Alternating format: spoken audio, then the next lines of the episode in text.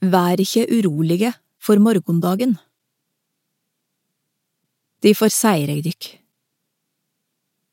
Vær ikke urolige for livet, hva de skal ete, og hva de skal drikke, eller for kroppen, hva de skal kle dykk med. Er ikke livet mer enn maten, og kroppen mer enn kleda? Se på fuglene under himmelen. Ikke sår dei, ikke haustar dei, og ikke samler dei i hus, men far dykkar i himmelen før dei likevel. Er ikke det mykje meir enn deg?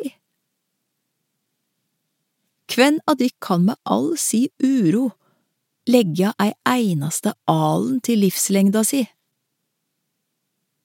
Og kvifor er det urolige for klea. Sjå liljene på marka, korleis dei veks. Dei strevar ikkje, og spinn ikkje, men eg sier dykk, ikke eingong Salomo i all sin herlegdom var kledd som ei av dei.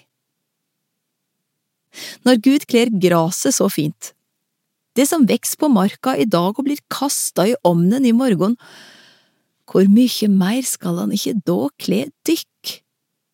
Det er lite truande. Difor må de ikke være urolige og seia Hva skal vi ete? Eller Hva skal vi drikke? Eller Hva skal vi kle oss med? For alt dette er heidningane opptekne av. Men far dykkar i himmelen veit at det treng alt dette Søk først Guds rike og Hans rettferd, så skal det få alt det andre i tillegg. Vær derfor ikke urolige for morgondagen. Morgondagen skal uroa seg for sitt. Hver dag har nok med si møe.